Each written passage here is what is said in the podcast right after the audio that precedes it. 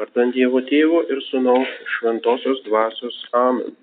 Ateik tvėrėja dvasia, aplankyk tavųjų sielas, pripildyk iš aukštybių krūtinės, kurias sutvėrėjai. Taip gėdame vieni kreator e, sekvencijoje šitame himne, kurį gėdame kaip noveną, kaip pasiruošimą prieš sėkminių iškilmę, švent, šventosios dvasios atsiuntimo iškilmę.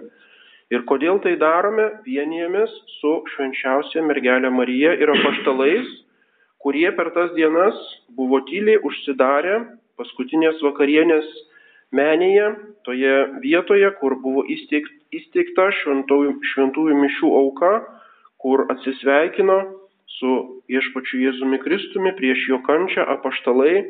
Ir štai dabar jie toje vietoje vėl susirenka, nors buvo išsisklaidę, išsibėgioję Jėzaus kančios, kančios metu ir vėliau susirinko, susirinkę, regėjo prisikėlusio viešpatės apsireiškimus, buvo liudininkais jo prisikėlimo, klausėsi jo pamokymų ir palydėjo jį į alyvų kalną, kuris įžengė į dangų. Ir štai dabar vėl apaštalai susirenka toje pačioje vietoje, kuri tapo tokia pirmąja bažnyčia krikščionių Jeruzalėje meldžiasi ir laukia pažadėtosios šventosios dvasios. Būkite santūrus ir blaivus, kad galėtumėte melstis, ragina apaštalas Petras šitame laiške šio sekmadienio. Tai yra idealas, kurio mus moko apaštalai ir kurį kurio turime laikytis ruoždamėsi šventosios dvasios ateimui. Negalime priimti šventosios dvasios, jeigu nebūsime santūrus, jeigu nebūdėsime ir jeigu nekviesime jos į savo širdį malda.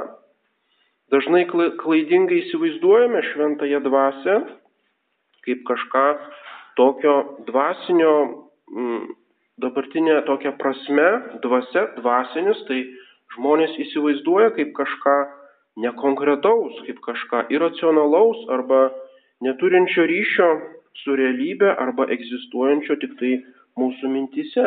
Toks yra įsivaizdavimas dvasios ir dvasinių dalykų. Taigi žmonės dažnai dvasinį veikimą arba dvasinį poveikį tapatina su moraliniu poveikiu, kai tik tai išoriškai įtakojamos mūsų mintis ir nusiteikimas tai yra morališkai paveikiamas žmogus, kad jis taptų geresnis ar pakeistų savo elgesį. Bet dvasinis poveikis teologinė prasme, katalikiška prasme yra visiškai reali malonė. Malonė yra Dievo realybė, Dievo duodama dovana dvasiai, kuri iš tikrųjų pakeičia sielą. Ne tik tai morališkai ją paveikia, sužadina, kad pati siela iš savęs kažką nuveiktų, bet suteikė jai visiškai naują antgamtinę galę, kurio siela anksčiau neturėjo. Taigi dvasiniai dalykai yra nemažiau realūs negu materialiniai ir teologiniu požiūriu yra dar labiau realūs, žymiai lab, labiau tikr, tikroviškesni ir tikresni negu visa tai, ką matome ir ką galime apčiuopti. Dvasinės malonės realybė yra realesnė už mūsų kasdieninio gyvenimo realybė. O šventoji dvasia tai yra paties Dievo tikrovė, paties Dievo realybė, tai yra ne kažkokia Dievo jėga ar Dievo įtaka mums, bet asmuo, trečiasis švenčiausiosios trybės asmuo pats Dievas. Tai ne Dievo įkvėpimas, ne Dievo jėga ar energija ar poveikis, o asmuo, tikras asmuo švenčiausiosios trybės trečiasis asmuo, kuris atsiunčiamas į mūsų sielas, jeigu mes esame tam pasiruošę, jeigu tuo santūrumu, būdėjimu ir malda pritraukiame arba nesudarome kliūčių šventosios dvasios ateimui. Ir štai kaip ta dvasinė realybė ateina į mūsų sielas, kur ta realybė konkrečiai, kaip šventoji dvasia aplanko sielas. Pirmas veikimas šventoji dvasia duoda pašvenčiamąją malonę. Tai dvasinio gyvenimo pagrindas ir esmė. Pašvenčiamoji malonė tai yra Dievo dovana, tikra, tikra dovana, kuri įliejama į sielą ir kuri padaro sielą priimtina Dievui, kuri apvalo ją nuo nuodėmis. Tai yra kažkas skirtingo nuo žmogaus sielos ir kartu skirtingo nuo paties Dievo. Malonė tai nėra pats Dievas, tai yra kažkas Dievo mums duodama. Ir taip pat tai nėra vien pati siela, bet sielos kažkas iš išorės sielai priskiriama, kas visiškai pranoksta sielos esmę ir sielos prigimtinės jėgas. Tai yra sielos antgamtinis perkeitimas, atmainimas. Pirmiausia, pašvenčiamoji malonė nuteisina sielą, tai yra negatyvus veikimas, apvalo sielą nuo mirtinų nuodėmių ir padaro žmogų Dievo draugu, Dievo vaiku. Visi Sako paštalas Paulius romiečiams, visi vedami Dievo dvasios yra Dievo vaikai. Ne tik tai kažkaip vadinasi Dievo vaikais simboliškai, bet kas gauna pašvenčiamąją malonę, iš tikrųjų tampa Dievo vaikais. Pašvenčiamoji malonė be galo pakilėja sielą virš jos pačios galimybių. Pati siela niekada negali pa, savo jėgomis taip susitelkti ar e, praturtėti ar įgyti tokių galių, kad pakiltų link Dievo į antgamtinį lygmenį. Per pašvenčiamąją malonę mes iš tikrųjų dalyvaujame tam tikrą prasme Dievo prigimtyje, Dievo vidinėme gyvenime, o tai yra visiškai neįmanoma tvariniui, jeigu Dievas nesuteiktų to kaip visiškai nepelnytos dovanos. Apaštalas Petras antrame laiške sako, tapote dieviškosios prigimties dalininkais. Mes galime tik tai skaityti tuos žodžius, galime stebėtis, bet net negalime suvokti, į kokį, kokį kilnumą ir kokį aukštį mus pakilėja ta pašvenčiamoji malonė, kad galime tapti ne tik tai Dievo malonės dalininkais ar Dievo maloningo žvilgsnio į mus dalininkais, bet pačios dieviškosios prigimties dalininkais.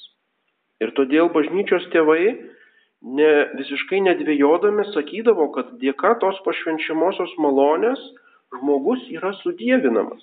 Net vartodavo tokį žodį theozis arba deifikacijo, tai yra sudėvinimas. Žmogus tampa tam tikrų būdų Dievu arba tam tikrų būdų panašus į Dievą. Šventasis Atanazas, bažnyčios mokytojas, sako, Dievo sūnus tapo žmogumi, Jėzumi Kristumi, kad mes taptume dievais. Tokia yra Dievo komercija, tokia yra Dievo mainai. Dievas tampa žmogumi, kad žmogus taptų Dievu. Arba šventasis Augustinas sako, jei tapome Dievo vaikais, tai tapome dievais. Aišku, iš mažosios raidės, aišku, netiesioginė prasme, mes netampame lygiais Dievui, mes taip pat netampame kažkokia Dievo dalimi, tačiau tampame dieviškosios prigimties dalininkais. Tai yra ne kažkoks panteizmas, susiliejimas su Dievu, bet iš tikrųjų kažką tai gauname iš tos dievystės. Ir tai yra visiškai priešingas tas bažnyčios tėvų mokymas Liuterio mokymui arba protestantiškai doktrinai, kad Dievas tik tai išoriškai pridengia, lyg apsiaustų mūsų nuodėmės lyg nebemato mūsų nuodėmių, nebenori jų matyti, bet tasai nuteisintasis ir toliau lieka nusidėjėlis. Tau pačiu metu nusidėjėlis ir teisusis. Reiškia, žmogus nepagyja iš vidaus, žmogus neperkeičiamas, žmogaus neįgauna jokio dieviškumo, jo, jokio ypatingo statuso, jis tik tai pridengiamas, kaip simboliškai Dievas priskaito jam teisumą, bet žmogus iš esmės pasilieka toks, kaip buvo sugedęs, kūniškas ir e, neturintis nieko bendro su antgamtinė realybė. Tai yra Liuterio mokymas ir tai yra pesimistinis protestantizmo mokymas. Ir matome, kad tam prieštarauja tiek Naujasis testamentas, tiek bažnyčios tėvų mokymas. Žmogus iš tikrųjų per pašvenčiamąją malonę pakeičiamas, jis tampa visiškai naujų tvarinių, visiškai kita būtybė, negu buvo iki gaudamas malonę. Antrasis, antroji realybė to šventosios dvasios veikimo yra vadinamoji palyda, pašvenčiamosios malonės palyda. Taigi pašvenčiamoji malonė ateina į sielą ne viena, tačiau lydima septynių darybių. Tai yra trys teologinės arba dieviškosios darybės - tikėjimas, viltis ir meilė ir keturios vadinamos kardinalinės pagrindinės darybės - tai yra protingumas, teisingumas, susivaldymas ir tvirtumas. Ir taip pat prie tos palydos priklauso tas darybės ištobulinančios septynios šventosios dvasios dovanos - išmintis, supratimas, patarimas, tvirtumas, žinojimas, maldingumas, Dievo baime. Taigi, pašvenčiamoji malonė, kurią žmogus gauna, jinai pakeičia pačios žmogaus sielą, pakilėja iki dieviškos prigimties, padaro žmogų Dievo vaikų lyg duoda sielai naują gyvybę, antgamtinę gyvybę. O štai ta palyda tos darybės ir tos šventosios dvasios dovanos, jos pakeičia ir ištobulina sielos galias, sielos aktus arba sielos veikimą, sielos veikimo būdą. Ir to dar negana, malonė, galime ją palyginti su tokiu kapitaliniu sielos remontu, sielos šventovės perkeitimu, sutvarkymu, net atstatymu iš pamatų. Jeigu žmogus buvo mirtinos nuodėmės būklėje, jis buvo negyvas, o dabar jis atgaivinamas iš naujo, atstatomas. Tos darybės ir dovanos tai yra kaip dekoras, taip kaip išpošimas arba įrengimas to sielos, tų sielos rūmų. Ir štai Dievas tuo nepasitenkina. Jis ne tik tai prikelia žmogų dvasiškai, prikelia naujam dvasiniam gyvenimui, ne tik tai padaro savo vaikų, visiškai perkeičia jo sielą, ne tik tai išpošia jį ir ap, aprūpina jo sielos aktus, sielos galias tomis darybėmis ir šventosios dvasios dovanomis, kad jo veiksmai būtų nuopelningi, kad jo veiksmai turėtų dvasinę vertę išganimui, ne tik tai padaro žmogų lyg naujų kūrinių, tačiau pats Dievas ateina į sielą. Ir tai yra trečioji ir svarbiausia realybė tos to dvasinio gyvenimo, kad šventoji dvasia pati ateina į žmogaus sielą. Taigi sielos rūmas yra atstatomas ir suremontuojamas, jis yra išpošiamas, apstatomas vis, vis, vis, visais reikiamais visomis reikiamomis galiomis ir štai dabar į tos išpoštus rūmus ateina pati šventoji dvasia asmeniškai ir sieloje apsigyvena. Ir tai nėra metafora, tai nėra tik toks palyginimas ar gražus simbolis, bet iš tikrųjų mes sunkiai galime tą įsivaizduoti, kad Dievas, tai yra trečiasis švenčiausios trybės asmuo, iš tikrųjų realiai ateina į savo tvarinį, į paprasto žmogaus sielą, į jo sielos vidinę, vidinį, vidinius rūmus arba tvirtovę ir sieloje apsigyvena. Ir tai aiškiai mus moko šventasis raštas. Paštalas Paulius romiečiams sako, jumise gyvena dvasia to, kuris Jėzų prikėlė iš numirusių. Čia paminima visa švenčiausiai trejybė. Kuris prikėlė, tai yra tėvas, Jėzus Kristus yra Dievo sūnus, antrasis asmuo ir dvasia, švenčia, šventoji dvasia trečiasis asmuo. Ir štai jumise iš tikrųjų gyvena ta dvasia. Arba korintiečiams rašo apaštalas Paulius, argi nežinote, kad jūs esate Dievo šventikla ir jumise gyvena Dievo dvasia. Jis kalba krikščionims, tiems nuteisintiems, kurie yra pakrikštyti, kurie turi pašvenčiamąją malonę kurie stengiasi praktikuoti gautasias darybės iš šventosios dvasios dovanas. Ir štai jūs esate ta Dievo šventikla ir jumise gyvena Dievo dvasia. Arba apaštalas Jonas rašo, jis perdoda Jėzaus žodžius, jei kas myli mane, laikysis mano žodžių ir mano tėvas jį mylės, mes pas jį ateisime ir apsigyvensime. Taigi ne tik tai šventoji dvasia, bet visa švenčiausioji trejybė gyvena teisiojo sieloje, kur yra vienas asmuo, ten yra ir kiti du asmenys, ten yra visas Dievas, taigi sieloje tiesioginė prasme gyvena šventoji dvasia, bet su šventaja dvasia joje yra ir tėvas, ir sunus, visa švenčiausioji trejybė. Ir todėl apaštalas Paulius korintiečiams kitoje vietoje sako, jūs esate gyvojo Dievo šventykla. Jūs esate šventykla gyvojo Dievo, tai yra su visu dieviškuoju gyvenimu, visu vidiniu švenčiausiosios trejybės gyvenimu.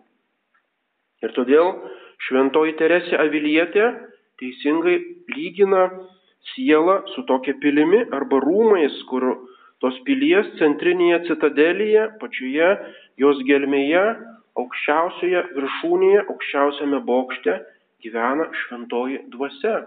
Ir jinai parašė net tokią knygą Vidinė pilis ir visas dvasinis gyvenimas šventosios Teresės aprodomas kaip grįžimas į savo vidų iš paribių, iš um, aplinkos į tą vidinį, vidinį centrą, į savo vidų, kur gyvena pats Dievas.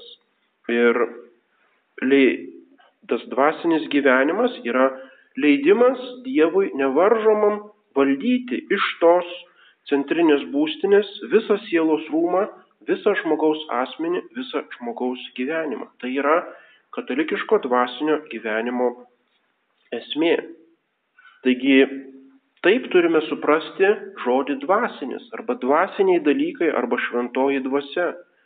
Tai yra pati didžiausia realybė visa tai, ką mes žinome iš apreiškimo, ką mums sunku įsivaizduoti, bet kas sudaro mūsų dvasinio antgamtinio gyvenimo esmę ir kas yra mūsų išganimo laidas.